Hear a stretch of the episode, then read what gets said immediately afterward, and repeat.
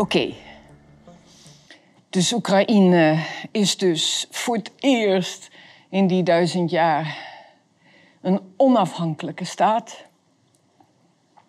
Met opnieuw ook in het verleden ja, ruzies met de buren, net zo goed met de Polen en met het Russische Rijk, net zoals de Engelsen en de Schotten en natuurlijk Basken en de Spanjaarden. Maar hoe het ook zij, in 1991 is dat een onafhankelijke staat geworden. En ook opnieuw even om ons Westelingen iets te laten eh, voelen van... Kijk, Polen, dat is bezet geweest door de Sovjet-Unie na de Tweede Wereldoorlog. Maar in Polen in principe hebt u niet duizend jaar dat daar Russische mensen wonen. En datzelfde is met uh, Hongarije of met Oostenrijk of nou ja, het hele gebied met Slowakije. Uit, uiteraard uh, uitzonderingen. Maar daar zit een groot verschil. Dat als ik in Nederland heb gemerkt uh, hoe vaak wij denken dat Oekraïne al als het ware eeuwenlang een eigen staat heeft gehad. Ja, ik zou het ze gunnen en er zijn natuurlijk ontwikkelingen geweest en er waren natuurlijk uh, oorlogjes en onafhankelijkheidsbewegingen met Khmelnikov en Mazepa. En dan in de uh, uh, 1917 met de burgeroorlog. Maar in principe, Oekraïne is anders dan Polen of de DDR. Daar woonden niet massaal Russische mensen. En dat is echt een belangrijk onderscheid om ook te begrijpen wat er vandaag de dag met Russen is gebeurd. En dat heb ik toch gemist in onze westerse media.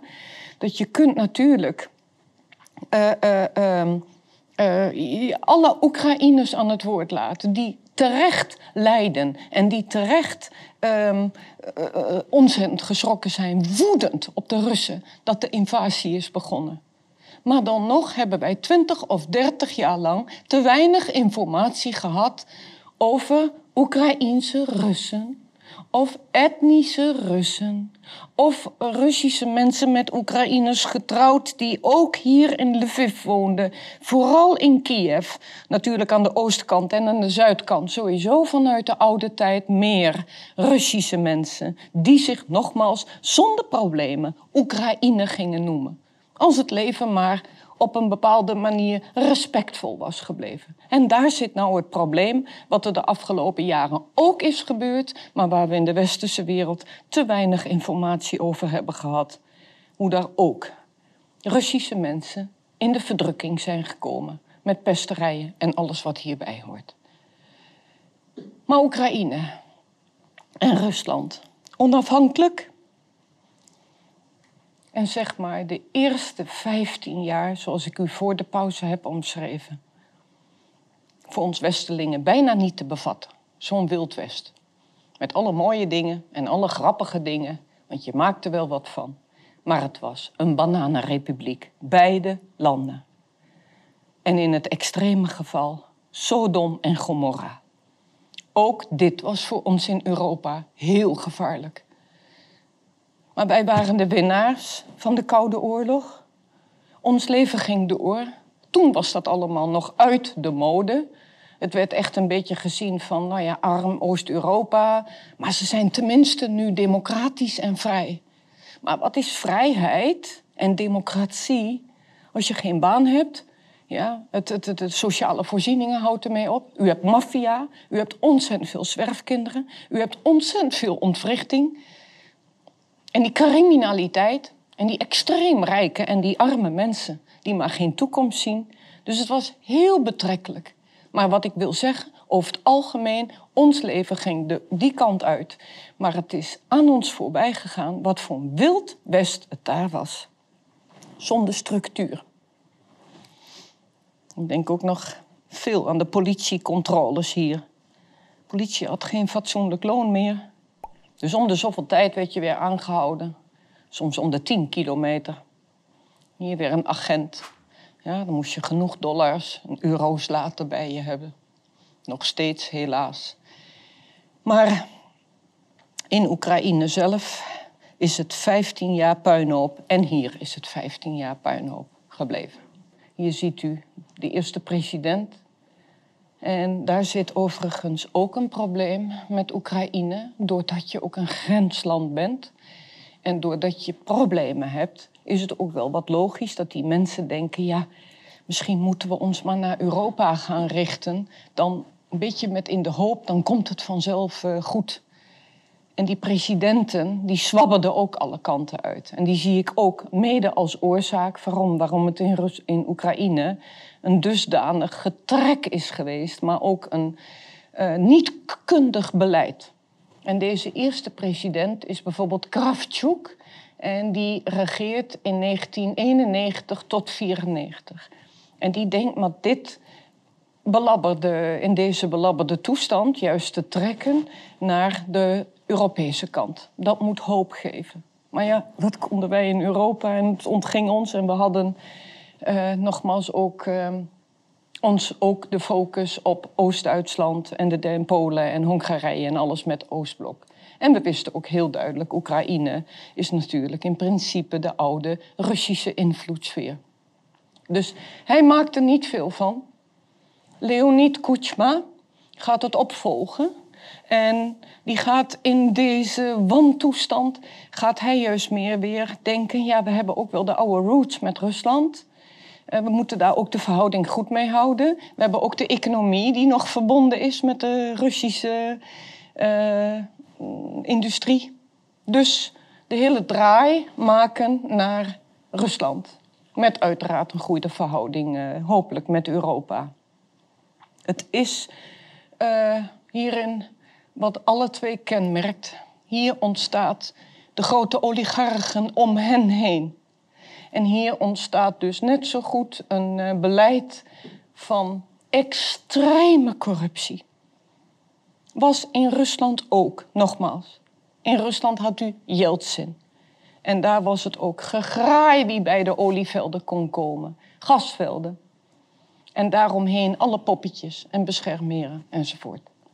Dan krijgen we in het jaar 2005 dat er in Rusland iemand aan de macht komt die we in het Westen over het algemeen tegenwoordig helemaal ja, de Satan noemen. En uh, dat die vergelijkingen maakt. Uh, maar eerlijk is eerlijk. Vraag je af waarom er in Rusland ook mensen zijn, en weliswaar de meerderheid, die de afgelopen 15 tot 20 jaar deze man ondersteunt of die ook een beter leven heeft gekregen. En dat kan Russische propaganda zijn, zoals ik iedere dag lees. Dat kan zijn mensen die gehersenspoeld zijn, zoals ik iedere dag lees. Dat kan zijn jongere mensen die ja, angstig zijn om opgesloten worden, te worden, zoals ik iedere dag lees. Ja? Er is zeker een percentage wat huiverig is. Er is een percentage wat gevlucht is. Er is een percentage dissidenten en intellectuelen. Altijd in die maatschappij geweest. Maar dat er een 80% is, ongeveer, ja, die zich de laatste jaren hebben ingelezen en die daadwerkelijk hun land verdedigen. En ook teleurgesteld zijn in ons Westerlingen. Dat uh, is mijn enige vraag om Nederlanders of Westerlingen te laten nadenken om ook uit ons propagandahoofd te komen. Vraag het u af. Waarom, waarom en waarom?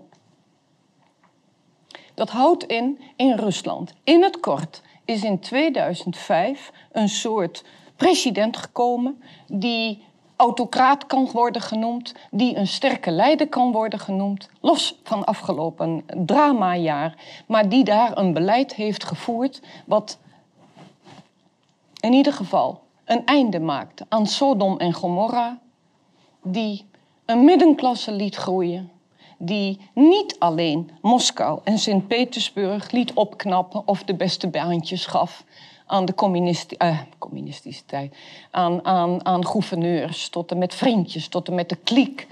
Ja. Het houdt ook in dat hier in Moermansk in Archangelsk, in Vladivostok, in Samara, in de Oeral, in Zuid-Rusland. Mensen eindelijk weer een waardig bestaan kregen.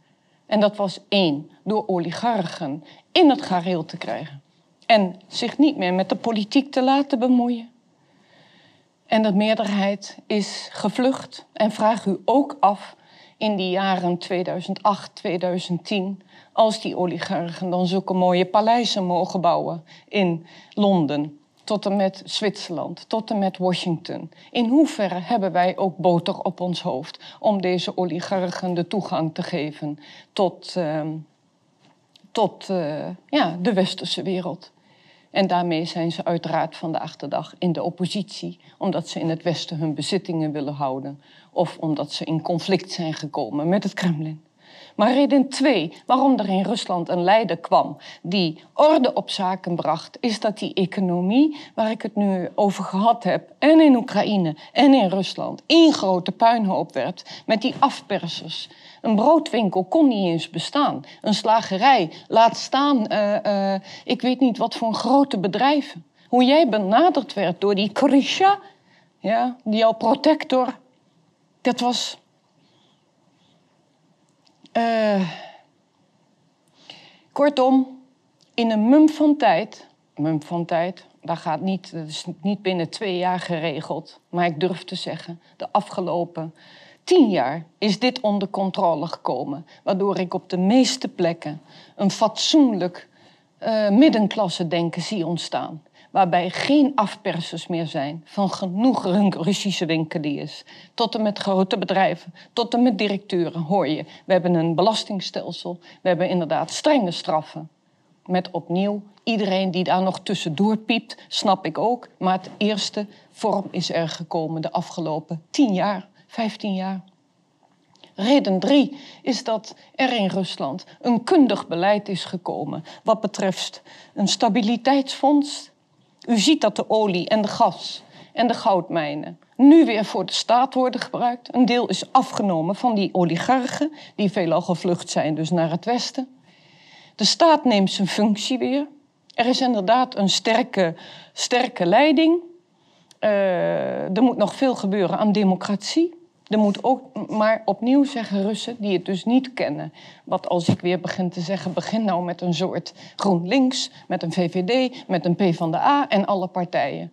Mensen kennen het niet en mensen hebben op de eerste plaats behoefte. Dat zie ik ook heel vaak aan ze. Britres, wij willen eerst scholen terug, ziekenhuizen terug, defensie weer goed, waardigheid en ja, cultureel leven erbij. Rust, orde, stabiliteit enzovoort. En dat is gebeurd de afgelopen 15 jaar. In tegenstelling tot het broertje, de broer, Oekraïne. En daar ziet u in de loop van de jaren geen stabiliteit gekomen. Daar bleven de oligarchen de macht houden.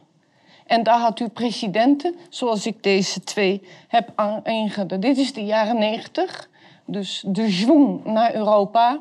Hier ziet u Kuchma. Die gaat uh, weer ook voelen van de balans met de Russen.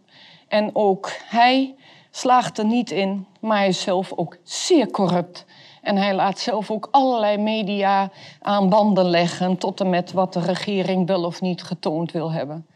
Presidenten hebben geen lijn in hun uh, beleid gehad. In 2005 wordt hij na twee keer herkozen, vervangen door Timoshenko en Yushchenko. Die kent u vast nog van ons nieuws. Dat is die meneer uh, Yushchenko, met de Amerikaanse getrouwd. Hier begint tevens ook de grote lijn met de Amerikaanse elite. Maar mevrouw Timoshenko is die mevrouw met de vlecht de dame die heel veel ook net zo goed gedaan heeft in de gaswereld, maar dan uh, niet op zo'n prettige manier, ook op een manier oligarchen geworden. En deze twee mensen gaan dus weer een zwaai maken naar Europa-kant. Als dat ook niet de weg blijkt te zijn in 2010, krijgen we Janukovic en die zwaait weer helemaal, nou ja, die probeert er middenin te komen.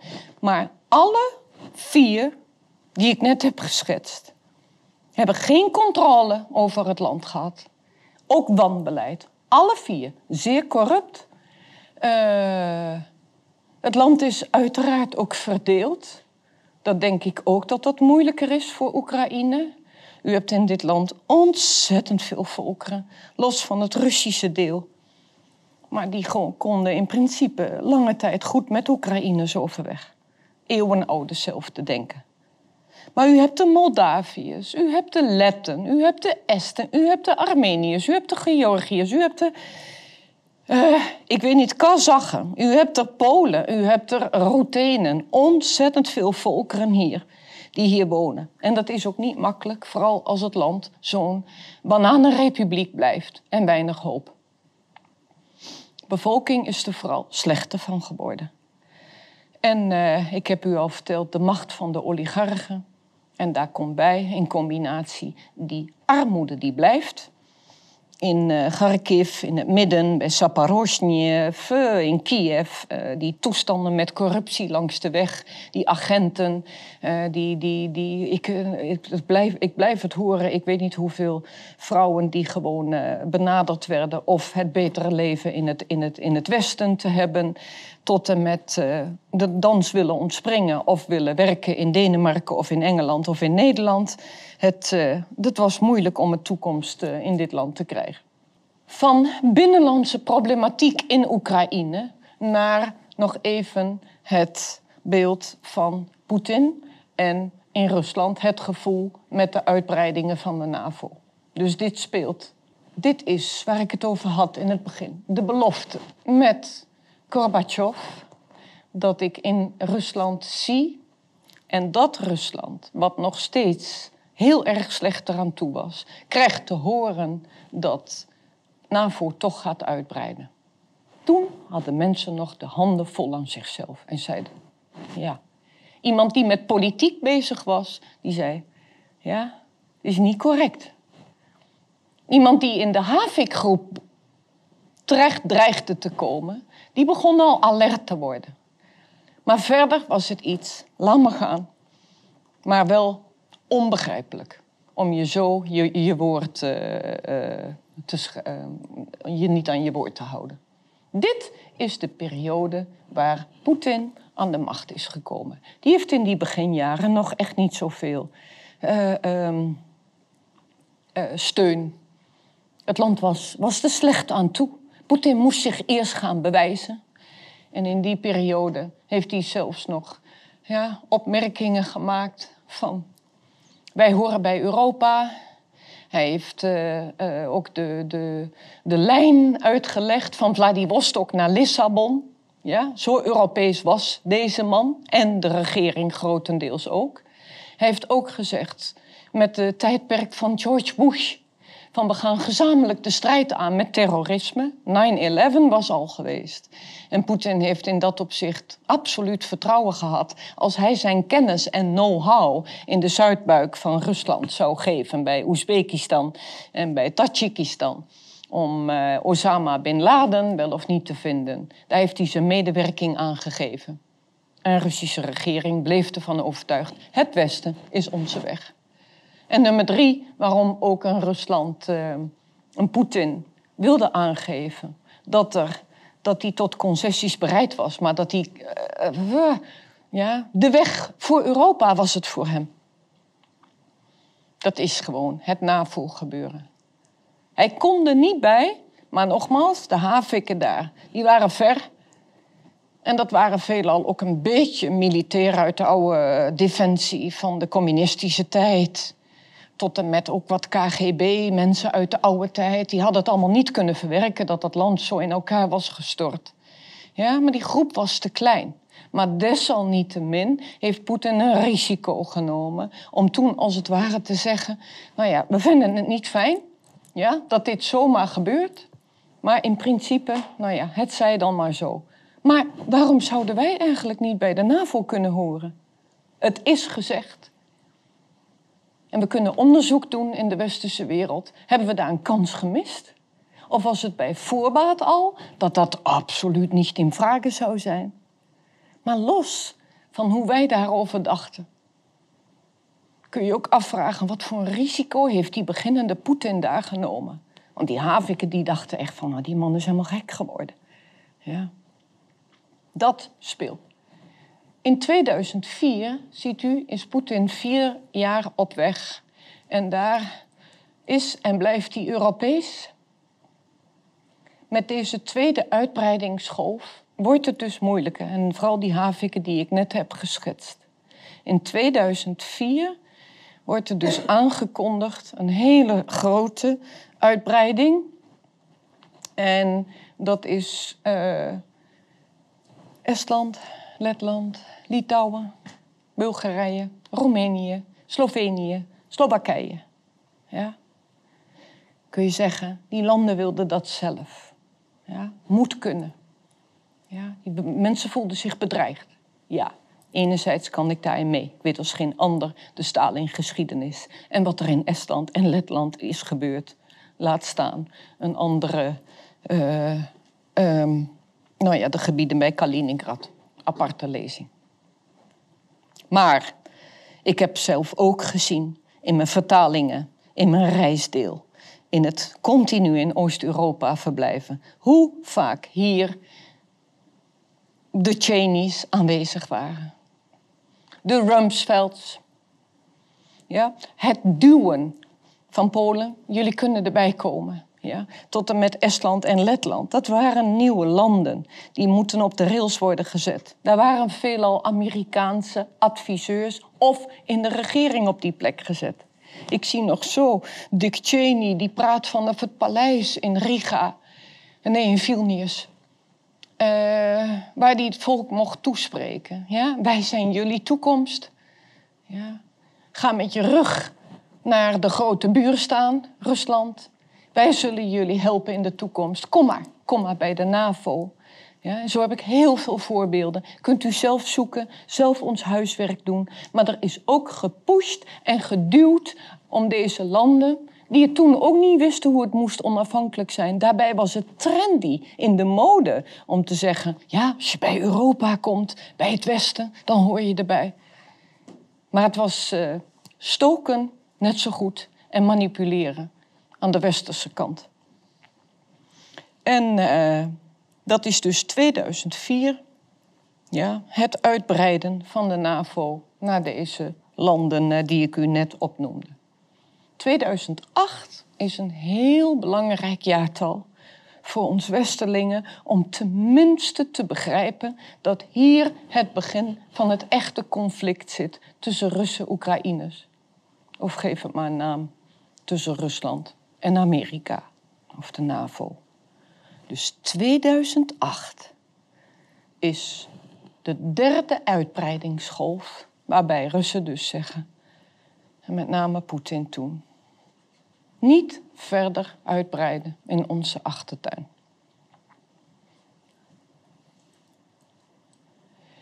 Los van de NAVO, maar ik zo direct terugkom, gaan we nu even naar de politiek die denk ik ook te, te weinig belicht is in de westerse wereld. Ik blijf zeggen, als we in Nederland, in Engeland, in Frankrijk iets meer voorlichting hadden gehad van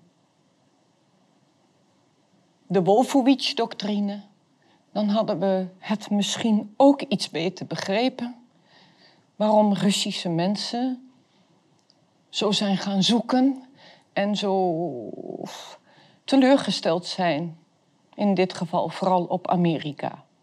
Die Wolfowitz-doctrine houdt in het kort in dat Amerika het recht heeft om zijn alleenheerschappij in de wereld vol te houden en dat ieder land, en met name Rusland, ja, terug moet in de kooi of tegengehouden moet worden. Koste wat kost. Wolfowitz vragen veel mensen dat zal toch een, een, een, Oostblok iemand zijn. Nee, het is een Amerikaan en het zijn de neoconservatieven. Hij heeft samen met Dick Cheney ja, een doctrine op zijn naam staan, die we ook wel kunnen noemen de Bush 2-doctrine. Van Amerika heeft het recht om haar macht uit te breiden, zelfs in de achtertuin van Amerika, eh, van Rusland. En daar zitten we. Oekraïne heeft dus niet alleen een geschiedenis van afgelopen jaar met dit drama met de oorlog. Dit is al gaande 30 jaar en vooral in de versnelling 20 jaar geleden. meneer Wolfowitz, voor zo direct. Hier ziet u de mensen van die tijd. Dit is George Bush, voor ons allemaal bekend. In het midden ziet u Rumsfeld. Daarnaast ziet u Dick Cheney. En deze mensen hebben in, het, in die jaren 2000, 2005, 2008 het beleid bepaald. En Bush is voor ons bekend. Uh, zo direct even naar de buitenlandse politiek. In het midden ziet u de man waar ik het net over had. Hoe vaak waren daar dus de bezoekjes aan Polen en aan Hongarije en aan Estland en aan Letland? Hoe belangrijk is het ook voor het Amerikaanse industriële militaire uh, complex, hè, de bedrijven, om daar uh, NAVO-leden te maken, zodat er ook de productie goed is? Het spreekt voor zich. Rumsfeld, de man, defensie en daarnaast natuurlijk een enorme voorstander van die uitbreiding van de NAVO. Hier ziet u Dick Cheney. Dick Cheney is ook erg belangrijk om het huidige Russische gevoel te begrijpen. Waarom ze zich daar bedonderd voelen en ook gekleineerd voelen.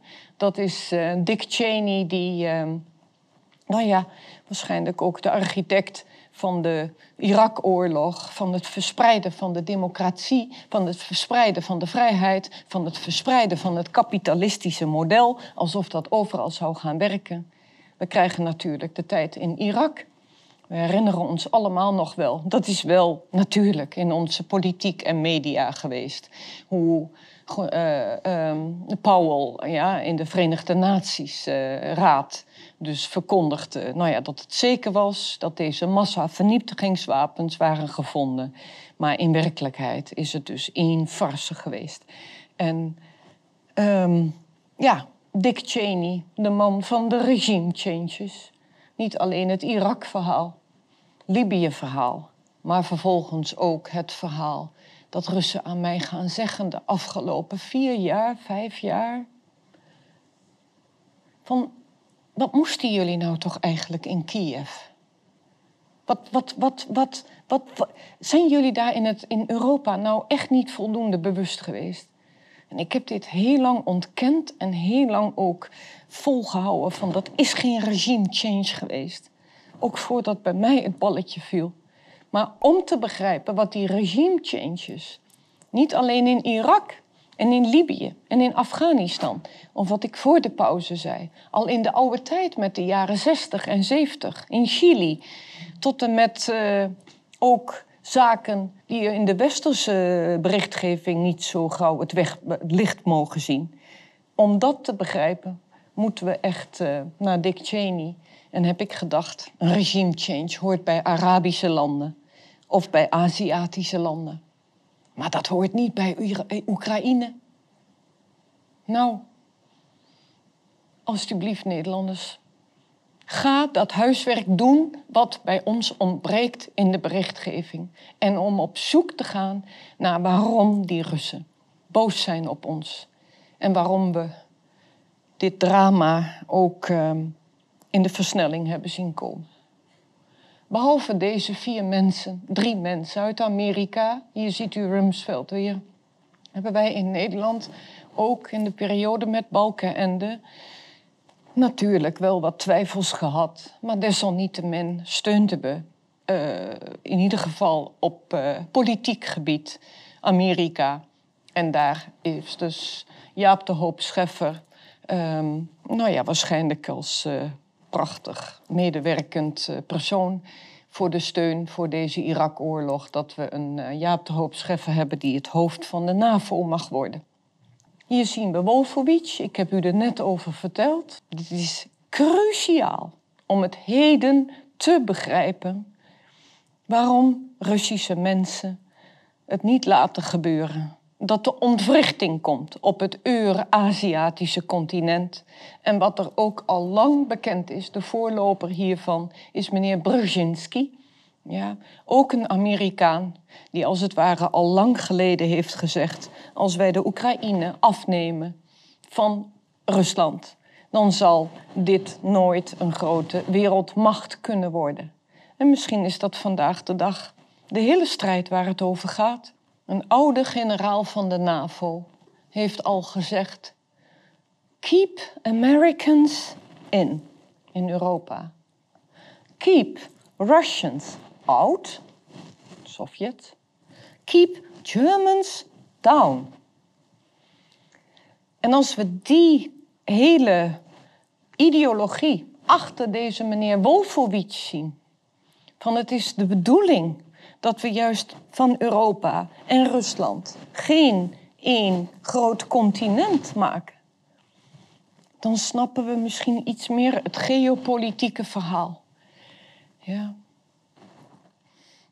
Rusland zit vol met delfstoffen, mineralen, ja, mogelijkheden. Europa heeft de koopmansgeest, democratie. En we hebben in duizend jaar altijd met elkaar een redelijke verhouding gehad en dan weer met ups en met downs. Dus deze lijn, Europa, Rusland, dit is ook wat Poetin bedoelde. Het huis van Vladivostok tot aan Lissabon heeft zulke mogelijkheden. Maar het heeft niet zo mogen zijn. En dat is vooral door de neoconservatieven. En vanaf nu ga ik neocons zeggen. De vijfde man die ontbreekt grotendeels is meneer uh, Karl Rove. En Karl Rove is even belangrijk. Uh, dit citaat komt uh, eigenlijk, dat is een NAVO-term. Dus full spectrum dominance. Als de NAVO overal komt en natuurlijk basissen rondom Rusland heen, ja, dan, dan is helemaal die doctrine die gaat op. Maar dus dit is eigenlijk een NAVO-term, maar ik wilde meneer Karl Rove er absoluut uittillen. Want hier ziet u iets alsof dit vandaag de dag ook gebeurt van met de social media of met uh, de media. We horen iedere dag hoe Rusland staatspropaganda heeft en hoe de mensen daar gehersenspoeld worden. Ja, daar kunnen we nog een heel uh, thema aan wijden. Maar ik ben ontzettend geschrokken. Hoe wij in ons eigen Westen en ook mijn eigen Nederland zo'n iedere dag, soms ieder uur, de gruweldaden horen tot en met de, de, de afgelopen twintig jaar, ja, de negatieve aspecten van het Russische gebeuren. Ja? Het is dus niet even één jaar met slechte informatie of met eenzijdige informatie. Het is al 20 jaar, 25 jaar aan de gang. Vanaf de begintijd 2000 tot en met het heden. Stalin, uh, Navalny's, uh, uh, trollenfabrieken, gaspijpleidingen, expansiegericht, KGB, armoede, slechte wegen. Ja, op een gegeven moment hoop je dat men denkt als 20 jaar lang alles negatief is, dan moet er toch eigenlijk wel een belletje aangaan van klopt hier iets wel? Hier uh, alles wel. Met opnieuw genoeg wat er in Rusland nog gebeuren moet. Maar heel veel zaken zijn wel in orde en zouden we ook veel van kunnen leren. En deze man kunt u eigenlijk wel iemand noemen die al twintig jaar geleden wist wat je met propaganda kunt doen. En wat je met social media kunt doen. En als het waar is zijn term. Ja? Wij, dus hij zegt dit, wij bepalen de werkelijkheid. En als u die werkelijkheid niet gelooft, dan leest u hem gewoon nog een keer. En als u hem dan nog niet gelooft, nog een keer. Net zo lang tot. Dus deze man is ook net zo goed een gevaarlijke man, neoconservatief, een havik en die het beleid verder voerde van dit vijfmanschap, oftewel de periode van de glorietijd van Amerika. Dit heb ik u net geschetst. Dit is de periode van de regime changes. Let op, dit is nog steeds de periode van beginnend Rusland. Dit is nog steeds de periode van uh, uh, ja, in Oekraïne en Rusland. Ja, als het ware met een, uh, met een Sodom en Gomorra maatschappij, maar wel hoop. Um, in ieder geval in Rusland, dat het daar de opgaande lijn uh, gaat geven. Dus in Libië ziet u het, in 2013 in Syrië. Maar hier moeten we dus ook met de Wolfowitz-doctrine rekening mee houden. het NAVO-gebeuren, vertelde ik u ook. Dat is nogmaals de belofte van Gorbachev, dat was hier. En de uitbreidingen van 2004, met zoveel landen er nu bij, van 18 landen naar 30 landen, ziet u dat dit allemaal. En dat maakt maar een paar kilometer van de Russische grens af. En het strijd gaat over Oekraïne. Kom terug op 2008. Hier ziet u in diezelfde tijd dat Poetin aan de macht is gekomen in Rusland. Ziet u in Oekraïne deze dame, even een opfrisser, Julia Timoshenko, samen met de president Yushchenko.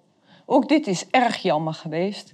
Dat in plaats van dat de mensen de krachten zouden bundelen, als het dan toch de lijn is van, nou ja, gericht op Europa. En uh, of ik het daar nou mee eens ben uh, of niet, van dat er meer uh, ja, begrip had moeten zijn. In ieder geval hoe je met de minderheden omging, hoe je met de industrie omging, hoe je met een geopolitiek beleid omging. Omdat China hier ook al een rol gaat spelen van uh, de One Road, One Belt, wat de Oekraïne een prachtfunctie had kunnen hebben tussen het Russische deel of het Aziatische deel en het Europese deel. Daar is over uh, gesproken, maar absoluut niet opgepakt door deze twee. En zij hebben onderling zoveel trammeland gehad met elkaar, dat u ook hier weer het fout ziet gaan wat betreft corruptie en binnenlands beleid in, uh, in Oekraïne. Dit heb ik u net gezegd, de beginjaren van Poetin, in ieder geval tot 2014, zeer pro, pro-Europa. Uh, met uh, alle Russische ontwikkelingen, niet nu, maar dit is 2008. Net als bij de foto waar hij bij Angela Merkel stond. Toen werd dus bekend dat George Bush en de NAVO-regering uit Amerika hebben aangeboden dat Georgië en Oekraïne ook lid zouden worden van de NAVO. En dit is een moment geweest dat Poetin heel erg onder druk stond. Nogmaals, de rechterflank daar, die sterker begon te worden. Het gewone volk, net zoals de meeste mensen, ook van ons, is niet met politiek bezig, in ieder geval geen geopolitiek hadden nog steeds iets van Europa is onze weg, wij doen het goed samen. Russen voelden zich ook gelukkig, nogmaals, met een beginnende middenklasse. Met happiness, konden naar ons toe reizen. We hadden volop contact met elkaar. Maar in 2008, toen dit zo duidelijk werd gesteld, Oekraïne gaat ook lid worden van de NAVO. Dat heet George Bush en deze Amerikaanse regering, die stelde dit voor. Ook duwen en pushen met een regering die dus uh, uh, um, ja, een, uh, een, een, een, beleid wat niet doordacht was, zien we dat een Poetin onder druk komt te staan bij het gewone volk. Even nog wat apathisch, maar bij de Havikken was het echt iets. Dit gaat niet gebeuren. Een uitbreiding van de NAVO in onze achtertuin Denk even wat het zou betekenen als Amerika een uitbreiding zou hebben in Mexico of in Canada, waar bewijzen van die Chinezen zouden staan, of in dit geval Russen. Maar dat zou onmogelijk zijn. En u hebt het allemaal meegemaakt, ook nog in de jaren zestig met Cuba. Dat Cuba dat zag Amerika als zijn invloedssfeer. En toen daar de raketten van Khrushchev uh, naartoe gingen, was het wel even een uh, dreiging met die uh, Derde Wereldoorlog terugtrekken. En in dat opzicht, waarom? Ik blijf vragen, waarom is de NAVO en Amerika zo ver gegaan om in dit geval te blijven duwen en gaan? Maar dit is dat moment geweest waar Poetin dus stelt. Tot hier en niet verder. En uh, ik laat Georgië nu even liggen, maar het is eenzelfde verhaal als Oekraïne. Ja, ook hier was heel veel Dick Cheney aanwezig in Tbilisi. Dit is de tijd als Saakashvili op de troon zit, getrouwd met die Nederlandse dame Sandra. Ook hij was helemaal in Amerika eh, opgeleid tot en met ja, een beetje impulsief, maar wel overtuigd als hij NAVO-lid zou zijn. Je moet niet vergeten dat al die landen zijn nog steeds bezig na een moeilijke tijd met een, failliet land. Dus de een is wat meer uh, gevoelig voor, uh, voor hulp en uh, mooie beloftes. Weer een ander heeft het volk er nog niet rijp voor. Weer een ander. Ja, dus da daar was ook heel veel onrust binnen de bevolking. Ik ga nog even naar 2008. Hier ziet u al hoe vaak George Bush ook zelf naar Oekraïne reisde. Hier ziet u ook hoe Hillary Clinton, Secretary of State, dat was natuurlijk in de Bush-regering uh, minister Buitenlandse Zaken. later onder Obama komt zij dan uh, opnieuw in beeld en bemoeit zich heel erg duidelijk met Oekraïne. Uh, dit is de vierde president, wat ik aan u zei. Het, uh, het koppel die tot 2010, dus Timoshenko met de vlecht en Yushchenko, er ook weinig van bakte. Mensen mooie beloftes hadden gedaan in Oekraïne. Ja, als u in ons gelooft, gaat alles goed komen. Ondertussen zelf er beter van worden. Het land niet aankunnen. Corrupt um, oligarchen de macht uh, um, in handen laten houden. En dat maakt dat in 2010 komt er weer een nieuwe president. En dat is Yanukovych. En dit is de man die tot 2014 cruciaal voor zo direct uh, de Maidan uh, ingeluist gaat worden.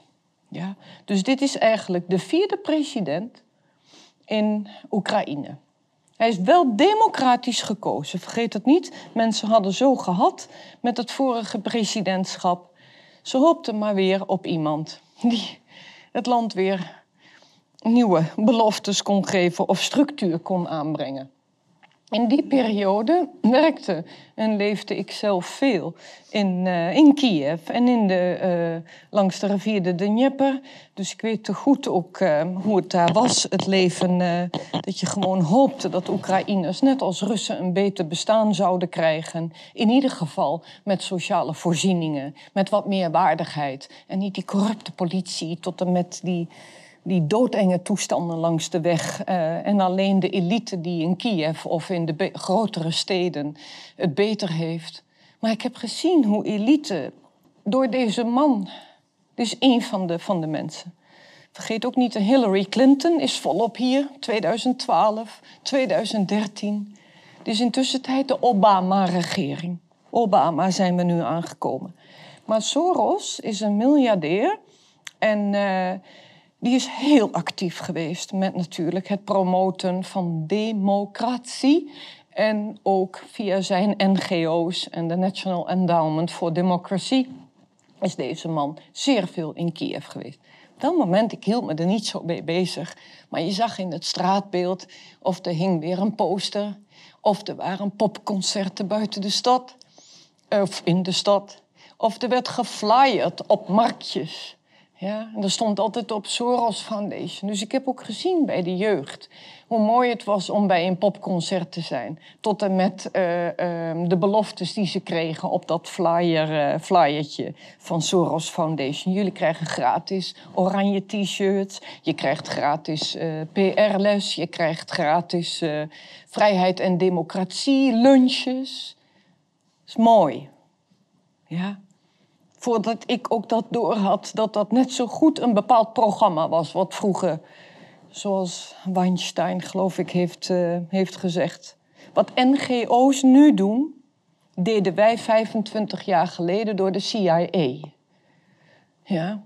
Dus het NGO-begrip klinkt zo aardig, maar is net zo goed een stevige vorm van inmenging geweest. Op zijn westers kapitalistisch, in dit geval Amerikaans. Soros is dus heel veel aanwezig in Oekraïne. Hier ziet u de spanning tussen Oost en West gaan oplopen. Eén, wat ik u zei, Soros is maar één voorbeeld van de vele filantropen, miljardairs, die ook in de, in de lijn van die Wolfowitz-doctrine die wereldheerschappij willen hebben. Hier ziet u de Europese Unie-uitbreidingen.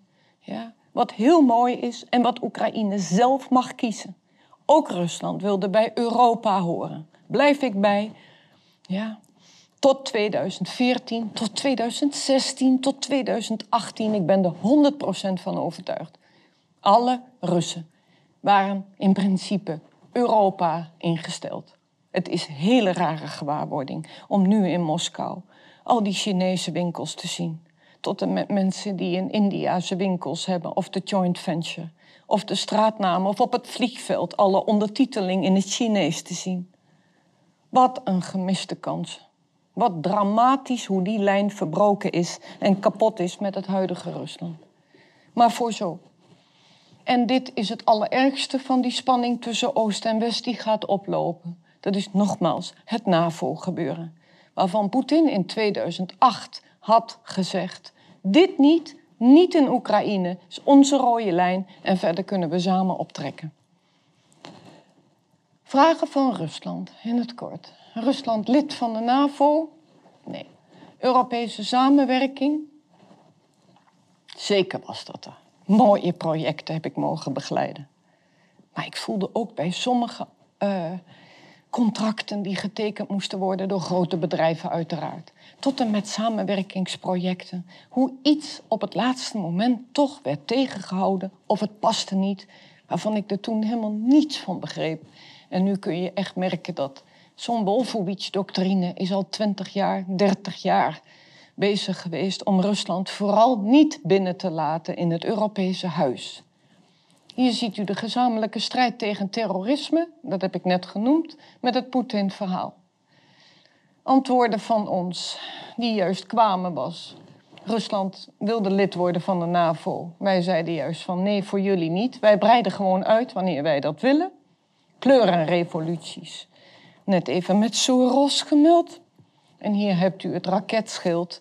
Niet om nu over door te gaan, maar in 2001, 3 heeft George Bush zich uh, dat raketschild uh, opgezet. En dat is dus de periode nog in de begintijd. En zich teruggetrokken uit het ABM-verdrag. Dat is het Anti-Ballistic Missile Treaty wat ook vandaag de dag speelt in de hele kernwapenwetloop. Het is dus 2013. Ik zit een paar weken voor de Maidan. In mijn leven tussen Rusland en Oekraïne ben ik er nog steeds van overtuigd dat die mensen veel met elkaar konden. Opnieuw, een, een Rus die hier leefde noemde zich nu Oekraïne. Heel veel Russen waren het ermee eens. Wel zeiden ze die jaren van goh, ja, wat uh, ons, ons, ons, ons bewijzen van ons moederland, of het land waar we vandaan oorspronkelijk komen, doet het eigenlijk wel beter dan wij. En, uh, en uh, hier zit grotendeels Russische bevolking. Krim is sowieso Russische bevolking en Oekraïne is. Uh, door die Wolfowitz-doctrine, door deze Amerikaanse adviseurs ook ontwricht geraakt. En ik weet ook dat Oekraïners terecht een onafhankelijkheidsstrijd aangaan. En helemaal voor de oorlog. Alleen dit deel, dat is nooit aan de kant van de Russische tsaren geweest. Ja, dat was het, uh, het Habsburgse Rijk, lange tijd ook van Polen geweest. Dus het gebied van Galicië, van de Karpaten, van uh, Lviv en daaromheen. Dat is absoluut een feit dat die mensen nooit bij het Russische Rijk hebben gehoord. Misschien het meest Europees. Dat houdt daarmee niet in dat, uh, uh, dat er daar ook geen uh, nationalistische tendensen zijn geweest tussen de Polen en Oostenrijkers. Ik heb ook wel versteld gestaan hoe hier dingen weggelaten moeten worden in hun historie. Want het is wel een feit, daar mag je niet over praten in ons Westen. Maar daadwerkelijk is daar ook ultranationalisme tot en met zeer rechtse krachten. Tot en met Bandera-aanhangers, tot en met ook in, op 1 januari uh, nazi-fakkeltochten. Dat kunnen we allemaal ontkennen. En zeker is dat gelukkig een minderheid nu. Maar omstreeks het jaar 2013, ik heb het met eigen ogen gezien, trouwens ook armoede. Armoede doet ook veel. Dus als een land ontwricht is, met opnieuw getrek van Rusland, zeker, getrek van Europa en het Westen, dus met die Wolfowitz-doctrine om Oekraïne los te krijgen van Rusland. Dat is reden 1, het getrek. Reden 2, wanbeleid van de presidenten. Reden 3, denk ik, die oligarchen die maar de macht blijven houden. En ook politiek alles beïnvloeden. En reden 4 heb ik echt medelijden gehad met de bevolking. Los van de elite of de geweldige middenklasse. Of de heerlijke Oekraïners die op hun manier wat van het leven gaan maken. Of zich vooral niet met politiek willen bemoeien. En in de stad Odessa, van oudsher een Russisch-Oekraïnse stad. Vooral de schrijvers waren daar. Dat is Mediterranee, dat is Catharina de Grote. Hoe Russen met Oekraïne samenleefden. Geen probleem. Ja. Maar de bevolking was grotendeels in het land zo arm geworden zo gedesillusioneerd, zo gefrustreerd met die, met die corruptie. Denk nogmaals aan gewone corruptie, niet te hoog daarin ook, maar vooral de corruptie op straat.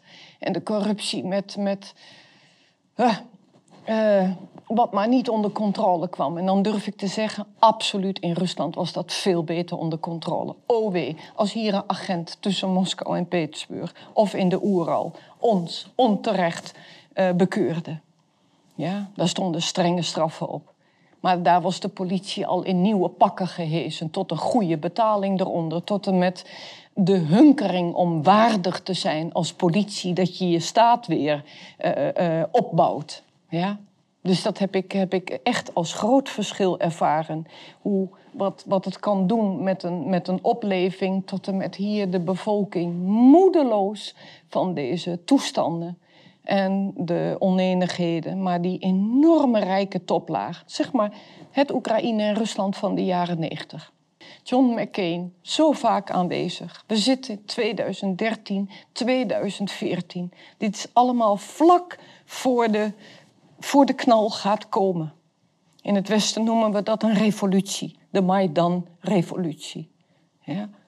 Ik ga het toch wat anders benaderen omdat je er zelf middenin hebt gelopen, tot en met gevoeld dat iets niet, niet helemaal ja, uh, grijpbaar was. Maar John McCain is op het plein net zo goed aanwezig. En deze bevolking wil terecht onafhankelijkheid. Willen terecht een betere maatschappij. Willen terecht een, een, een, een, een, een, uh, een beter leven.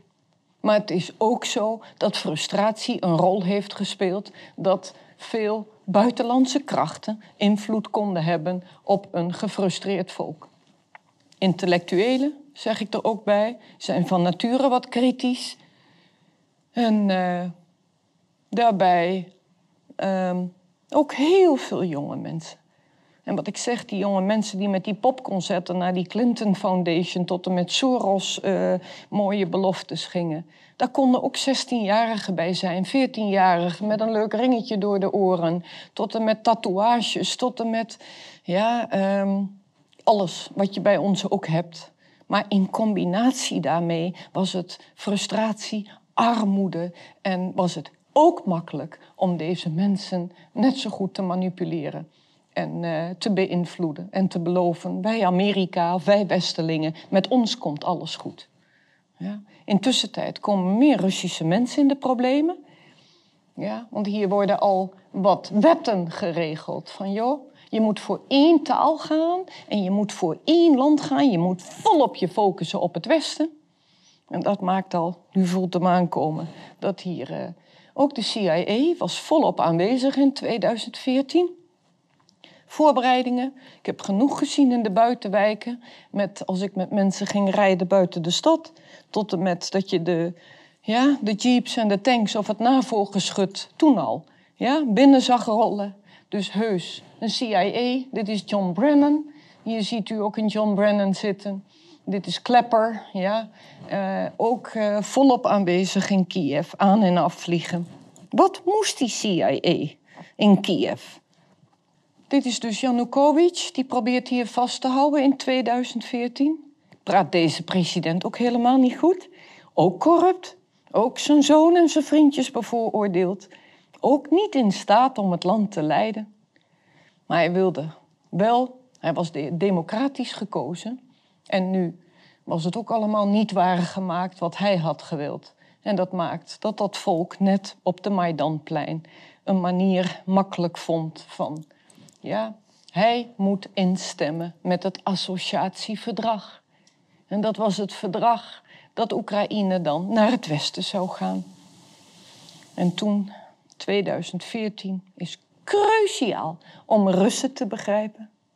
Ja, wat er in 2014 is gebeurd, hier, ja, hebben Russen ons weer niet uh, makkelijk uh, vergeven.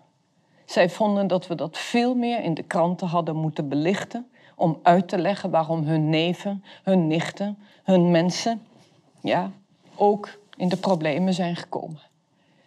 Hij probeert nog vol te houden, maar uh, het was al lang voorbereid dat deze man afgezet moest worden. En dit is daadwerkelijk ja, bevestigd, maar ook voor u als bewijs te vinden met de regime change, geef het maar toch die naam. Joe Biden zit helemaal in het spel, maar deze mevrouw is Victoria Newland. En Victoria Newland, die ziet u al als Amerikaanse havik. Ja? Havik, helemaal in de regering van, nogmaals, Obama zitten we. Joe Biden is vicepresident. Ja, we hebben John Kerry met buitenlandse zaken. We hebben de CIA dus net helemaal aanwezig. Maar het is vooral deze dame en deze meneer die het op poten hebben gezet hoe die andere president moet worden weggejaagd en hoe er een Amerikaanse voorkeursmeneer al wordt klaargestoomd. Dat is een bevestiging. Kijkt u alstublieft, luistert u alstublieft, zoekt u alstublieft op YouTube en vindt deze speech waarbij deze mevrouw heel duidelijk zegt aan haar collega of aan de Amerikaanse ambassadeur in Kiev ja, dat zij al hadden besloten wie er op de troon zou moeten komen. En dat wordt die chocoladekoning, die Poroshenko, die zo direct in beeld komt. Ja, dus ik blijf ontzettend verbaasd hoe vaak Biden aanwezig was. Daar dat andere, ja, snap ik, daar kun je gewoon nog geen grip op krijgen.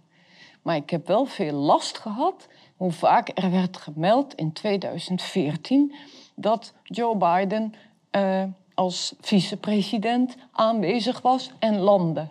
Of het hotel, of er was iets anders waardoor ik er last van had. Je zat achter een kolonne, straten weer afgezet, want deze Amerikaanse Joe Biden was gekomen. Dat hij daarbij een zoon had die hij al mooie kansen had kunnen geven. De zoon is Hunter Biden. En deze man, daar gaat het vandaag de dag om. Wat ook uh, Twitter en uh, lang uh, moest onderdrukken.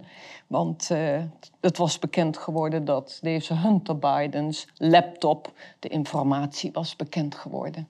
Dat hij wel degelijk vader Joe Biden contacten heeft in in het Oekraïne-verhaal. Behalve dat is het ook zo dat hij directeur mag worden, of een van de directeuren in de board van de grote gas, gasbedrijf in, uh, in Kiev. Dat is Burisma. Amerikanen noemden het een revolutie van de democratie en van de, ja, een anticorruptiestrijd.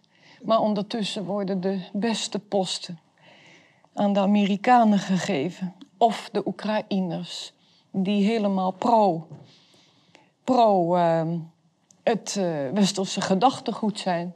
Hunter krijgt zelf de mooiste baan. Hij mag in de maand, ja, de ene keer zie je 50.000, de andere keer zie je 83.000 dollar in de maand verdienen. En dat moet nu natuurlijk het liefst allemaal weggeschoven worden. Oké, hier zien we nogmaals die mevrouw die ik net heb geschetst. Ja, dit was die ambassadeur met wie ze het telefoongesprek heeft.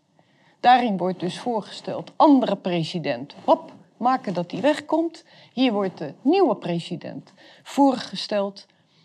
Ja, dat is dus die chocoladekoning. U ziet, hij ziet er aardig uit. Hij ziet er Europees uit. Hij heeft een welgeknipt uh, kapsel enzovoort. Dat is ehm, al heel duidelijk vooraf uh, afgesproken. En hier is een samenvatting hoe het allemaal gaat rollen. Dus als ik afgelopen jaar in de media of bij de lezingen in het land merk dat de mensen natuurlijk in shock zijn van dit afgelopen jaar, een oorlog op ons Europese continent, dan hebben wij vaak door of onwetendheid of twintig jaar achterstand met ook westerse berichtgeving die niet altijd objectief was. Maar ik weet wel dat het uh, heel duidelijk is dat het niet een oorlog is van afgelopen jaar, maar de echte angel zit hier in het jaar 2014 en nog dieper na 2000 met de Wolfowitz-doctrine en met het uitbreiden en de regime changes en de westerse macht. En uiteraard om Rusland in de kooi te laten en niet een plek te geven op het westerse toneel. Hier ziet u hoe hij belooft. Hoe hij het ja, helemaal uh, de juiste man is om het land te gaan uh, regeren. Het uh, volk steunt hem. Opnieuw weer een president die een kans krijgt.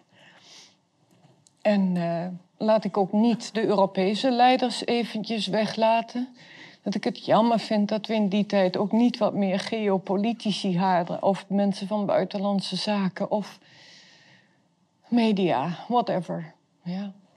Het is en blijft westers belicht geweest. Ik weet dat velen van u wel in de stof zitten, maar ik merk dat ik iedere avond toch in lezingen probeer, bij bibliotheken of bij andere kunstverenigingen tot en met Rotaries probeert te zeggen: er is meer aan de hand geweest. Het is de enige manier om een einde te maken aan deze oorlog. In ieder geval door ons te verdiepen in de stof. En hoe we dit nog kunnen redden of dat het niet erger wordt. En dit is grotendeels wat ik merk bij de 90 of 95 procent Nederlanders in het land die er echt geen weet van heeft. Uh, dat ook het jaar 2014 zo uh, ja, westers geduwd en gesteund is. Maar net zo goed de, uh, de, de mensen uit Europa, die wilden dat Oekraïne in het westerse kamp zou komen. Hans van Balen is voor ons bekend, Frans Timmermans en natuurlijk Kie Verhofstadt. Ja, nu, nu escaleert eigenlijk alles nog steeds zijn Russische mensen met hun Ladaatje of met hun Volkswagens hier over de grens aan het rijden. Geen probleem.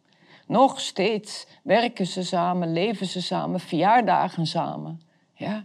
Maar doordat het natuurlijk hier economisch beter ging en weerwaardigheid en hier niet, was er wel die afgelopen jaren wat meer onrust gekomen dat sommige Oekraïners, Russische Oekraïners, whatever, ja, het zo hadden gehad met die regeringen. Dat deze mensen, die hebben uh, daar uiteraard over gemopperd. Maar opnieuw, het leven ging weer verder en je probeert er iets van te maken. Maar bijvoorbeeld hier in Odessa, bijvoorbeeld hier in uh, Gerson, bijvoorbeeld hier in Kharkov en ook in Kiev, heb je zoveel Russische Oekraïners gehoord of Oekraïense Russen. Ja, die, die werden niet gehoord. En die waren nogmaals akkoord en helemaal tevreden met Oekraïne. Los van dat het daar helaas uh, met pensioenen ging het slecht. Uh, soms waren hun functies uh, in de problemen. Maar juist door die regering van 2014 met die chocoladekoning, die begon echt te duwen en te pushen van uh, Russische mensen moeten nu ook allemaal Oekraïens gaan praten. Ehm, ook al is voor ook Oekraïners Russisch lang een taal geweest, of ehm, de omgangstaal. Uh, uh, ik, heb, ik, heb, ik heb verhalen genoeg gehoord. Van chirurgen tot en met tandartsen, tot en met kleuterjuffrouws, tot en met een mijnwerker. Ja, die ook net zo goed in het nauw kwamen, omdat er iemand uit Kiev werd aangesteld die dan wel uh, zou doen zoals de Kiev-regering um, het wenste. Ja. Um, ook hogere functies. De gouverneurs uiteraard van Kharkov of de gouverneurs van Odessa.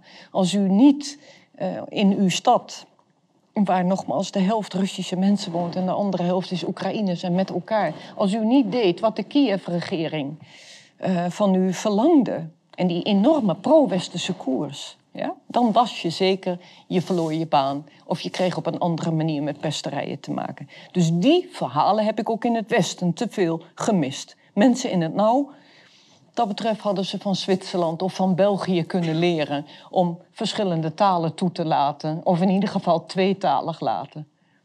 Maar het is niet voor niets dat hier mensen in het nauw komen. Goed, de revolutie, wat ik u zeg, is dus geslaagd. Een regime change. Er komt een chocoladekoning op de troon. Die gaat het land zogenaamd even redden. Verder heb ik u verteld in Kiev hoe die Maidan op poten is gezet. Maar al gelijk, enkele dagen daarna, zei dus de Krim... en dat is zeg maar 2,5 miljoen inwoners... iets kleiner dan Nederland. Maar de Krim die zei, met voornamelijk Russische mensen... Wij willen dat niet om bij Oekraïne te horen. Uh, bij, bij Kiev-regering. Moet je zich voorstellen, is een totaal andere kant van denken en zijn. En hier komt dus wel naar voren dat mensen het niet meer pikken en zeggen: ja, wij willen weer terug geworpen worden in onze moederschoot, in dit geval Rusland. Ik heb dat de afgelopen jaren ook goed genoeg gevolgd. Ook de Krim ja, wat weliswaar een gebied is, al uit de tijd met Peter de Grote, uh, Catharina de Grote, de tsarentijd, de adel die hier woonde, de, de Kievse adel, de Moskouse adel, maar het was allemaal het Russische Rijk. Op die Krim is men, uh, had men er genoeg van. Ook uiteraard de corruptie en de armoede daar. Zij zeiden van wij gaan nu niet mee met deze Poroshenko. Wij vragen aan Rusland, lijf ons in, wij willen weer bij het land horen. Juridisch gezien snap ik in Nederland, in het Westen, dat dat niet kan. Dat zijn de meeste vragen en de meeste haatmails die ik krijg over de, over de Krim. En anderzijds kunt u zich afvragen, ja, als de bevolking, waarvan ik zeker weet dat dat merendeel, ja, er zijn cijfers met 97 hupplepup procent, al zou daar ook wat gespookt zijn en wat gemanipuleerd zijn. Omdat we dat in het Westen bijna niet kunnen geloven. want nu.nl, die schreef over het zijn Stalinistische cijfers. Ja. Dus dat was bij voorbaat al. Uh... Ik snap ook dat Russische mensen dat hier net zo goed met de groene mannetjes zoals je in de westerse media ziet. Vergeet niet dat Sebastopol, ja, altijd een, eh, een haven is geweest die gehuurd is van de Russische regering.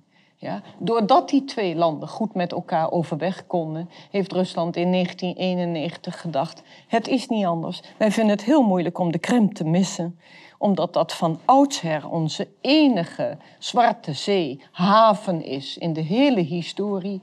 Maar wij rekenen erop dat het met onze broeders verder goed gaat. En het zij zo. Dus de vakanties gingen door tussen Oekraïners en Russen, nu onafhankelijk. Maar door die chaos in dit land hebben de Krimbewoners gezegd, grotendeels Russen. Ja? Anderen getrouwd met Oekraïners, wat geen probleem was. Enkele Krim-Tataren, ook weer een ander hoofdstuk. Maar ook het grotendeel is daar nu happy. Ja? Krim-Tataren zijn teruggehaald in 1991 en die waren door Russische en Oekraïense mensen soms niet gelukkig ontvangen. Dat klopt, dat is een feit. Ja? Maar Krim-Tataren hebben nu hun eigen huisjes, zijn weer op de Krim teruggekeerd en zeggen van... Uh, ja, wij hebben een, uh, een goed leven nu. En we hebben ons aangepast en we vinden het fijn. Dus hoe het ook zij, grotendeel van de bevolking, laten we het maar op uh, veilig iets houden, 80% minimaal, heeft gezegd: wij willen aansluiting bij dit land. En je kunt je afvragen, ik ben er eigenlijk van overtuigd, als dit Krim, deze Krim, niet heringelijfd was bij Rusland, dan was hier ook een burgeroorlog ontstaan. En dan was het daar ook vreselijk uit de hand gelopen. Of we het wel of niet goedkeuren, juridisch gezien, Russen zeggen: wij willen het zelf, wij kiezen zelf voor aansluiting, wij willen dat. In het Westen zeggen we: dat kan juridisch niet. Neem maar twee. Maar het allerbelangrijkste, het allerbelangrijkste wat ons is ontgaan, doordat we de westerse media te weinig informatie hebben van deze Wolfowitz-doctrine tot en met de achtergronden. Wat was de echte planning geweest van deze uitbreidingen? Wolfowitz-doctrine, hoe we het ook noemen, Brzezinski. Dat is als Oekraïne met die regime change, met deze Poroshenko en Joe Bidens en Nuland, als deze Koep was geslaagd om daar ook nog het NAVO-lidmaatschap te brengen. Dan was de Krim ook van de NAVO. Of geweest, dan, dan had, hadden hier de basissen gebouwd kunnen worden. Ja. En dat had geen enkele wereldleider toegestaan. Ben ik van overtuigd. Ja. Dus daarin blijf ik zeggen, ook wij hebben veel boter op ons hoofd in het Westen. En waarom moesten we per se daar zo doorduwen om het zo uit de hand te laten lopen? Maar de Krim is het niet uit de hand gelopen. Daar is dus Russische regering ingesprongen. Ik zit nog steeds met u in 2014.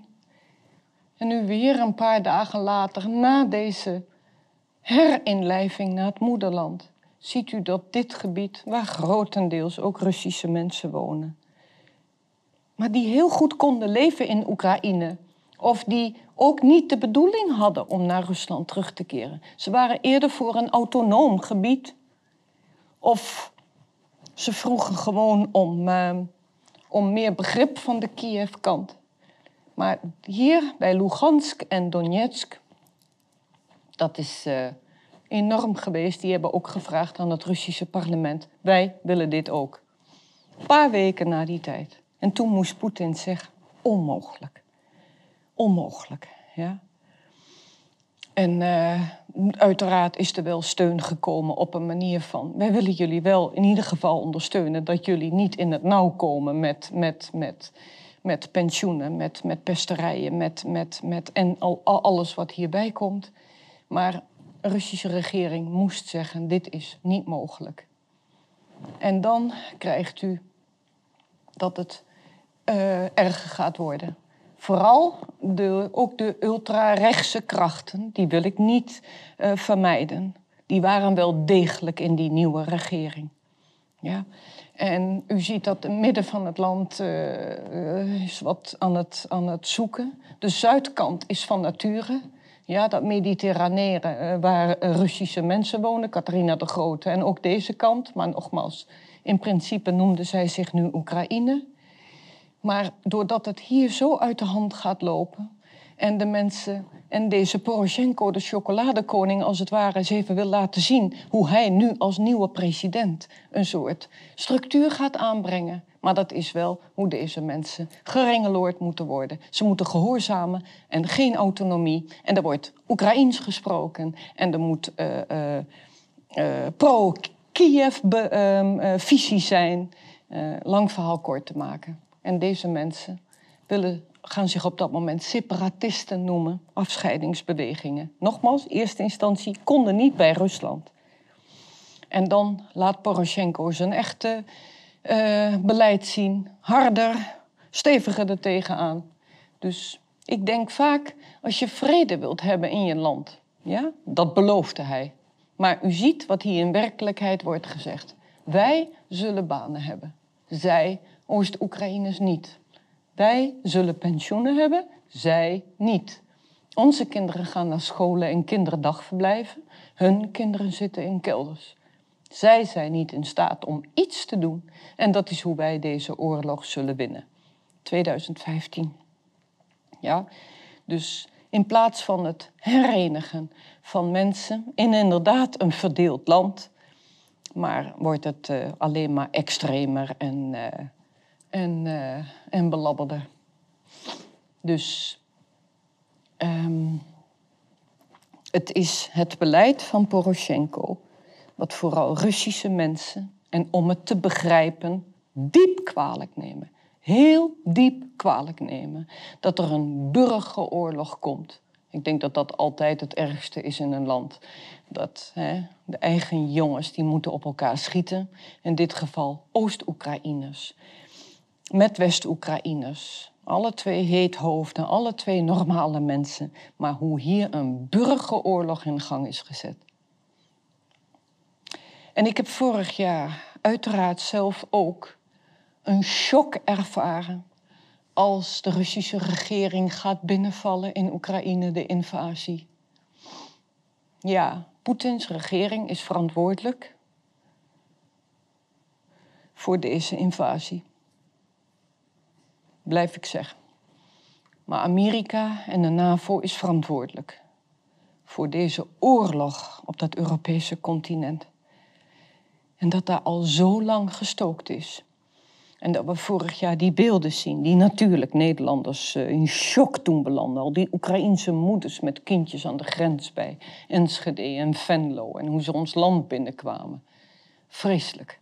Maar ik was echt heel erg bitter, maar verbaasd toen deze man deze woorden uitsprak. Tot en met de burgeroorlog die in dat land ontstond. 2014 en 15 dat hij daadwerkelijk die woorden waarmaakt. En clusterbommen gaat gooien op die dorpjes, de wegen bij Lugansk en, en Donetsk. Moet je zien hoeveel vrouwen en kindjes daar uit hun woningen moesten vluchten, flats, tot en met oude houten huisjes in de dorpjes. Hoeveel vrouwen ik daar aan de grens heb zien staan. Mensen met lada's, mensen met huilende oudere mm, uh, echtparen met koffers die ze nog meesleepten achter een auto aan wat op mijn netvlies staat. Ja? En daarvan, weet u, is alleen al in 14.000 doden in die dorpjes. Tot en met uh, ontwrichte gezinnen, tot en met mensen die naar Rusland zijn gevlucht. Um, wat deze man ook op zijn geweten heeft. En dat daar niets van is geweest op onze westerse media, heeft me toen al ongelooflijk verbaasd. Dat was overbekend.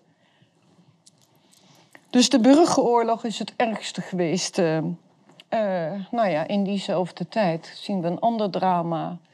En ook dat is natuurlijk vanaf de Nederlandse kant, omdat wij daar ook in shock waren wat daar gebeurde. Maar dan zie je maar weer, we wisten te weinig van geopolitiek. Dus zo'n vliegtuig van uh, Malaysian Airlines met al die Nederlanders aan boord, die vliegt over een oorlogsgebied. Ja? En dat Oekraïne met die, met die regering het luchtruim niet, niet, niet, niet dicht doet. Tot en met al die radars die niet hebben gefunctioneerd. Hoe kan het op één dag functioneren? Al die radars niet, vertel me dit. Zit hier toch meer achter? Maar het is hoe dan ook. Het is een drama geweest voor Nederland. Dus daar wordt inderdaad nog meer dat gevoel. Alleen ook wat media kan doen. En ook net zo goed een Mark Rutte tot en met een Frans Timmermans. Het gevoel is al twintig jaar hè, dat we anti-Rusland uh, spuit hebben ingespoten gekregen. Uh, daar blijf ik gewoon bij. Het is gewoon Bas niet meer mogelijk. En ik blijf zeggen, ga naar dat land toe.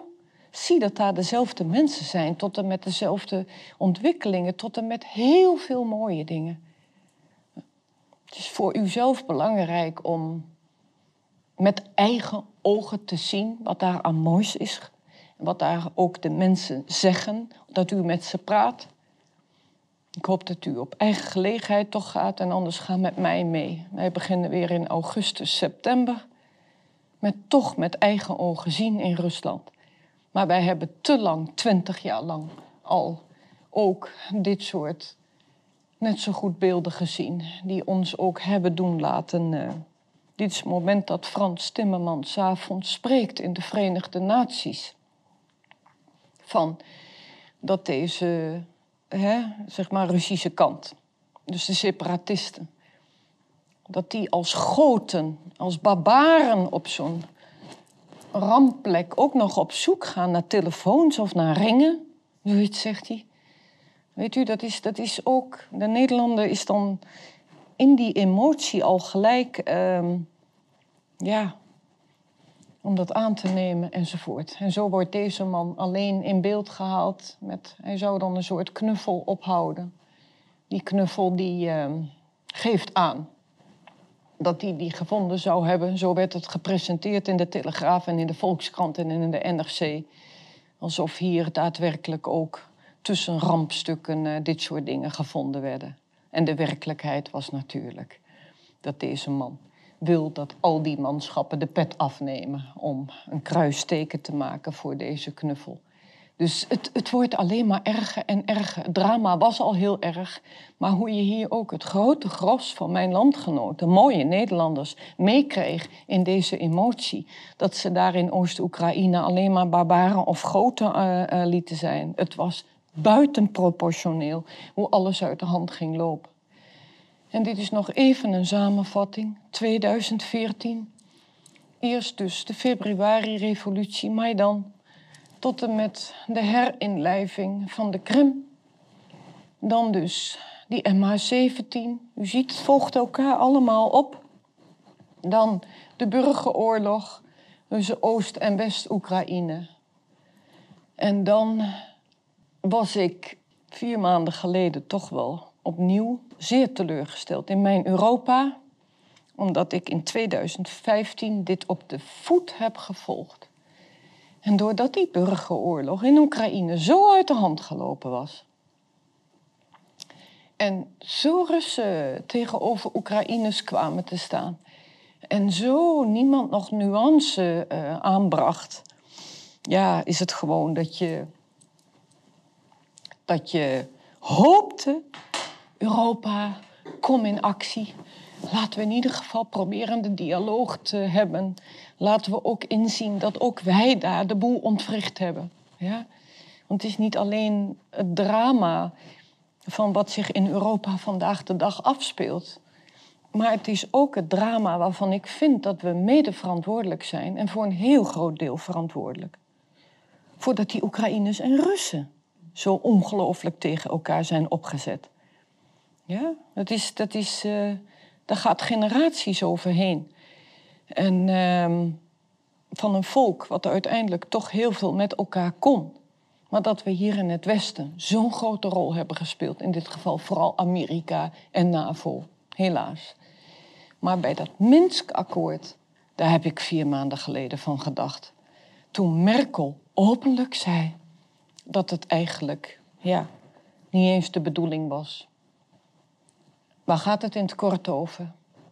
In deze 2015 drama, burgeroorlog, Oost-West, zien we dat Hollande, destijds president in, Amerika, uh, in Frankrijk, en Merkel proberen om Rusland en Oekraïne samen om de tafel te krijgen. En in die tijd was dat nogmaals de chocoladekoning Poroshenko. En dat was meneer Poetin. En die zouden samen praten met Frankrijk en met Duitsland. En het doel was een einde maken aan deze burgeroorlog. Staakt het vuren, met elkaar praten. En in ieder geval, uh, uh, uh, ja, um, ondertekend van ehm, en wat blijkt dat een paar weken, maanden geleden, heeft Merkel dus openlijk gezegd van ja, eigenlijk ja, was dit de bedoeling geweest om de regering van Kiev alleen maar meer tijd te geven om zich te bewapenen tot en met uh, NAVO-trainingen en noem alles maar op. En daar ben ik zelf van mijn eigen Europa um, ja, het grootste vertrouwen verloren van. Is dit nou meelopen met het Amerikaanse beleid geweest? Of is dit nou echt een enorme onwetendheid? Hoe we hier ook uh, niet weten waar we. Uh, ik neem aan, regeringsleiders weten waar ze over praten. Maar goed. onrust op ons grote continent. En daar zitten we dus nu met dit hele gebeuren. Intussen tijd 2015, 2016, 2017, het is het einde 2018. Gaat ons leven door? Ik weet dat heel veel Westerlingen ehm, ja, aan de zijlijn volgden, maar toch, het was uh, toch ver van ons bed. Uh, we kregen nog even de, de, de, de, de verkiezingen met Trump en met Hillary Clinton.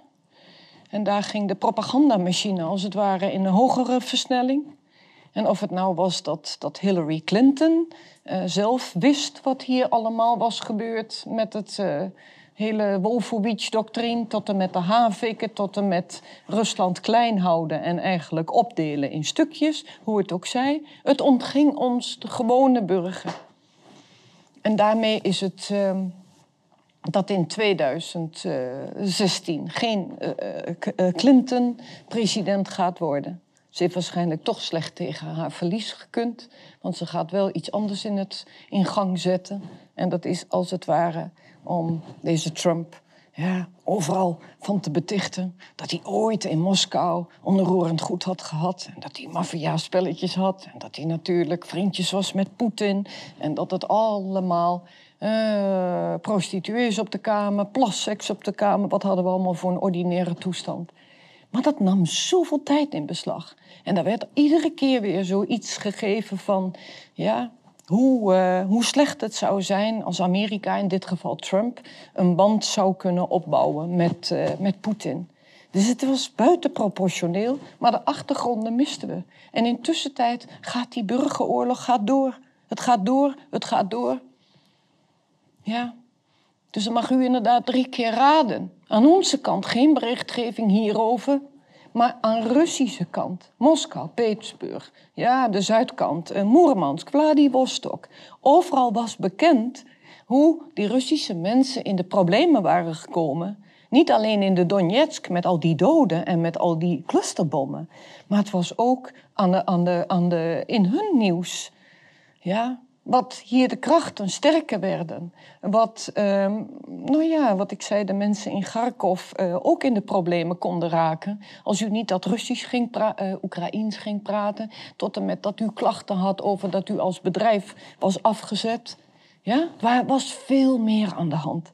En dat was het Russische gevoel. Dus die kropen natuurlijk in het gevoel van wat is hier gaande en wat gebeurt er met onze eigen landgenoten, met onze neven. Nogmaals, alles is met elkaar getrouwd. Dus geen vergelijk met Nederlanders en, en, en Belgen. Ik weet niet of wij echt samenwonen met Belgen en neven en nichten. Tuurlijk zullen we dat hebben.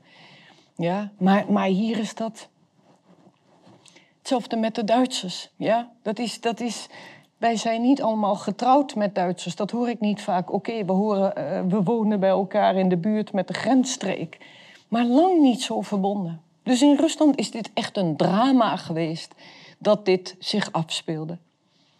En daarmee krijg je 2021, 2022, nu een jaar geleden, waarbij de Russische regering heeft aangeboden, of heeft, heeft gezegd aan de NAVO, en aan Amerika.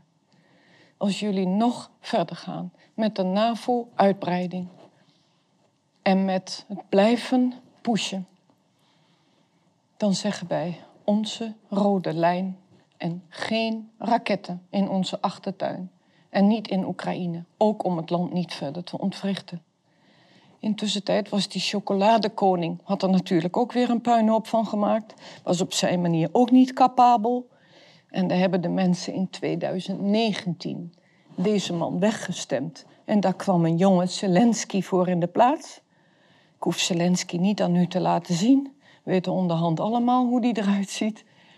Maar Zelensky heb ik zelf leren kennen, omdat je natuurlijk door het land in Rusland, in, eh, in Oekraïne mocht leven en naar theaters mocht gaan. Maar ook daar, dat was inderdaad genieten. Ja? Zelensky maakte er een show ervan in Oekraïne. Hoe ongelooflijk corrupt het land was. En dan, ja, deels had hij toen ook nog goede woorden over dat het in Rusland nog beter was. Hoe corruptie onder controle kwam, tot en met ik weet niet hoeveel andere dingen. Dus heus, dat was toen een goede band. Daarbij is Zelensky ook Russisch uh, talig natuurlijk opgegroeid. Maar Zelensky is hier in 2019 met deze belofte van ik beloof vrede. Ja, ik beloof inderdaad goede band tussen Rusland en Europa. Is die gekozen? Maar ja, we weten allemaal wel, natuurlijk, acteur die populair is.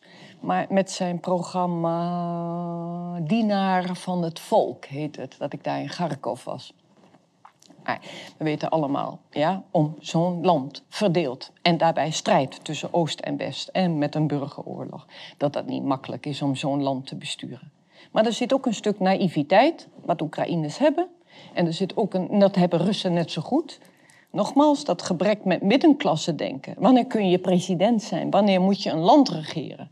Nou, en dat was heel duidelijk bij Zelensky. Ja, absoluut geen ervaring. Maar dat voelde wel vanaf het begin.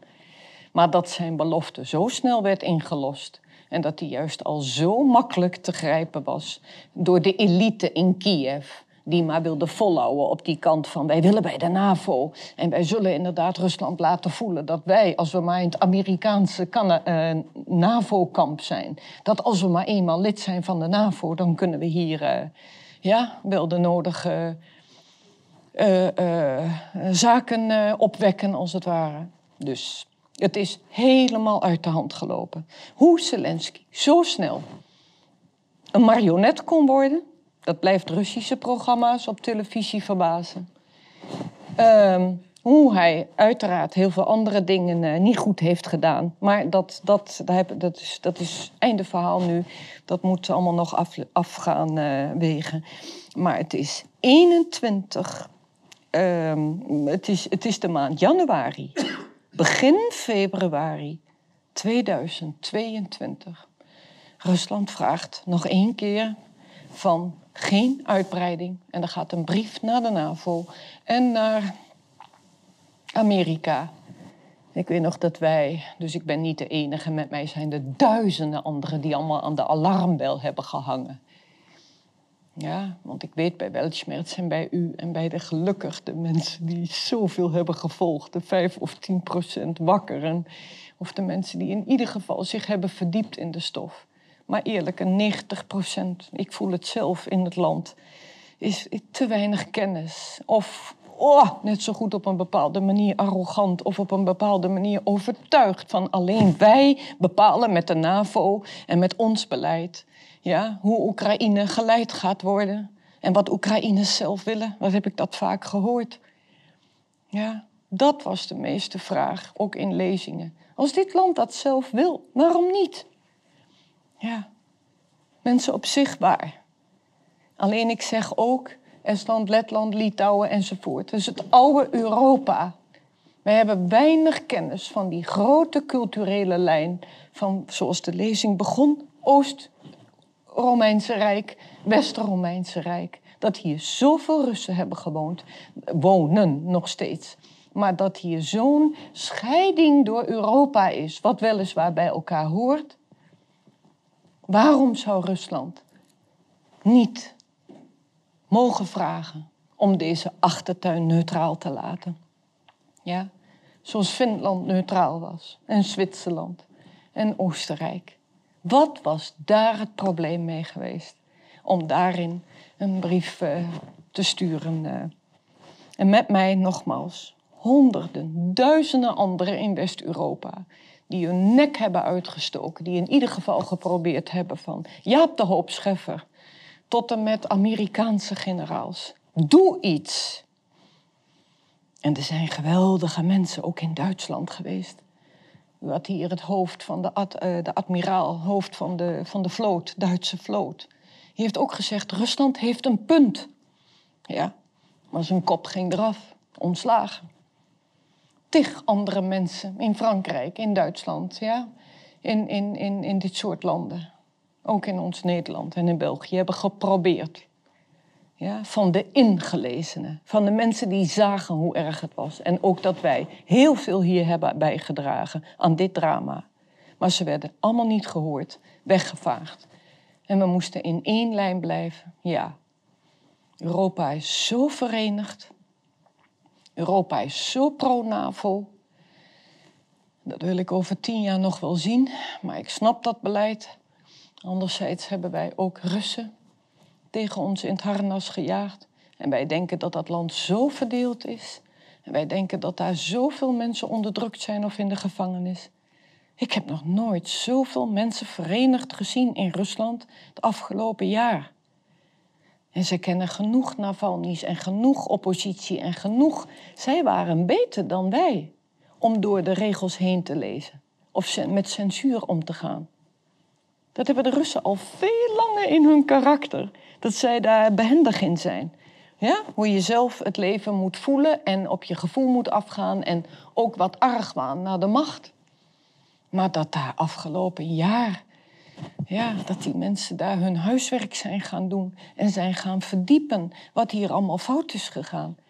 En natuurlijk ook het niet gehoord zijn door hun geweldige voorbeeld, Europa. Maar dat dat geweldige voorbeeld Europa nu als een soort grootmoeder is of, of, of, of, of niet meer echt meedoet, omdat ze ook hangen. Een vazal zijn van uh, Amerika, zoals een Russisch programma, programmeur altijd zegt. Hoe het ook zij. Dat moment dat de Russische regering niet werd gehoord, na zes weken, dat maakte dat. Uh, de invasie is begonnen op 24 februari. Alles ontwricht. Drama is het. Opnieuw, Poetins regering is verantwoordelijk voor deze invasie. Maar wat er aan vooraf is gegaan en wat de achtergronden missen op ons nieuws en bij onze politici, dat blijf ik een uh, even groot drama vinden om je te verdiepen in dit, uh, dit uh, enorme complexe hoofdstuk. Dan ziet in een maand Oekraïners in met Zelensky, met de nieuwe regering. Dat dit kan wel heel ver uit de hand lopen. De eerste honderden doden waren al gevallen. Dus dan stelt uh, Erdogan, nota bene Erdogan. Hè, je verwacht toch dat dat Europa zou zijn als vredescontinent. Dat wij dat allemaal op onze naam willen hebben van om de tafel, de dialoog. Maar nee, het was Erdogan met Turkije in Istanbul. Is dat op poten gezet om Rusland en Oekraïne om de tafel te krijgen. En daadwerkelijk ging men daarop in. En dan ziet men dat deze conferentie helemaal uit de hand is. Of niet, niet uit de hand is gelopen, maar uh, in principe was Zelensky zover om neutraliteit te geven daarmee akkoord te gaan. Hij voelde aan dat het anders heel erg zou worden. En dat het de Russen ook menens was. Maar hij kwam terug, Zelensky, in Kiev. En daar, of dat nou Boris Johnson is geweest met een bezoek, of toch de hogere machten uit Amerika op bezoek.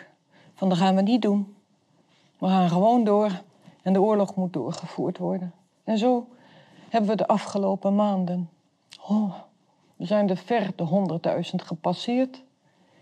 Vandaag de dag moet het nog meer opgevoerd worden, nog meer wapens, nog meer Zelensky als dappere vechter. Maar uh, één vraag: verdiepen in de stof, achtergronden. Russen willen ook geen oorlog. Voor Russen is het ook een heel groot drama niet alleen hun oude band met Europa, maar het is vooral de band met hun neven en hun nichten en hun familieleden enzovoort. En ook dat is iets dat ik zeg van, ik heb in Rusland ook genoeg programma's afgelopen jaar gezien, waarbij wel, of dat nou in een soort Russische jinek is, met, met, met, met een tribune waar mensen opstaan en roepen en gillen. Wij willen geen oorlog, laat dit stoppen, laat dit stoppen tot en met praatprogramma's waarbij heftige stemmen uh, um, er zijn. Uh, de de, de, de pro-Kremlin-kant tot en met de eh, de, de anti-Kremlin kant, tot en met Chinezen aan het woord, tot en met Indiërs met, met Russische kom af aan het woord. Heus, dat zijn ook prachtige programma's geweest. De eerste drie maanden, geef ik toe, was ik zelf in shock, maar ook wat zijn die Russische media geradicaliseerd? Absoluut een feit. Ja?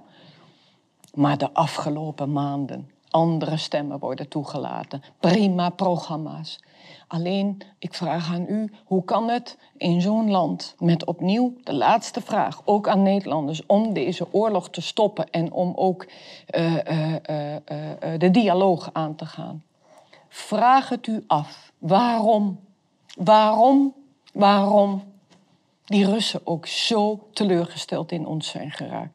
En dat zijn er veel meer dan dat wij denken. En ik heb in Rusland gelopen of Oekraïne. Maar na de val van de muur en communisme, 30 jaar lang, koste wat kost, Europa, Europa, Europa. Bij het naïeve af, dat het me soms ook kon irriteren. Wat een kansen. Maar dat ook veel kritische Russen, of net zo goed theatermensen, of balletdansers, of Valery Kerkiev, de beroemde dirigent, of Nikita Mikhailkov, grote regisseur. Allemaal kritisch naar het Kremlin. Allemaal kritisch naar, naar overheid. Dat die mensen aan het woord gelaten worden. En dat die zeggen, wij willen geen oorlog. Drama is te groot. Maar wij moeten ons land verdedigen. En als die NAVO verder oprukt. En wat de echte bedoeling is om ons land als het ware op te delen of te verzwakken. Of als wij nu niets doen, dan, uh, ja, kunnen we dus door uh, de geschiedenis verpletterd worden. En met name door de arrogantie van de Amerikaanse neoconservatieven. En laat ik niet alleen als laatste kibbelen over de Amerikaanse regering of Amerika. Het gewone volk is ook heel erg en heel dramatisch dat die ook geen andere berichtgeving hebben gehad. Net zo goed bij CNN en bij de westerse wereld is alles op onze manier ook eenzijdig beleid. En hebben Amerikanen natuurlijk ook geen behoefte aan, uh, aan oorlog. En zijn daar ook fantastische Amerikanen bij. Die geen weet hebben wat daar speelt in die hogere politiek. Maar dat die neoconservatieven willen doordrukken. En de NAVO wil laten winnen. Dan mogen we alleen hopen. Laat er een verstandig iemand daar nog uh, aan de, in ieder geval, het verstand houden en hopen op de dialoog. Dus hopelijk, hopelijk, mensen, ga zelf naar het land toe om met eigen ogen te kunnen zien of met eigen ogen te kunnen horen hoe die mensen bij ons horen en ook hoe ze over ons denken, maar ook hun kant van het verhaal, wat er ook de afgelopen twintig jaar bij hen uh, in de koppies is gekomen. Ja. Heel veel dank.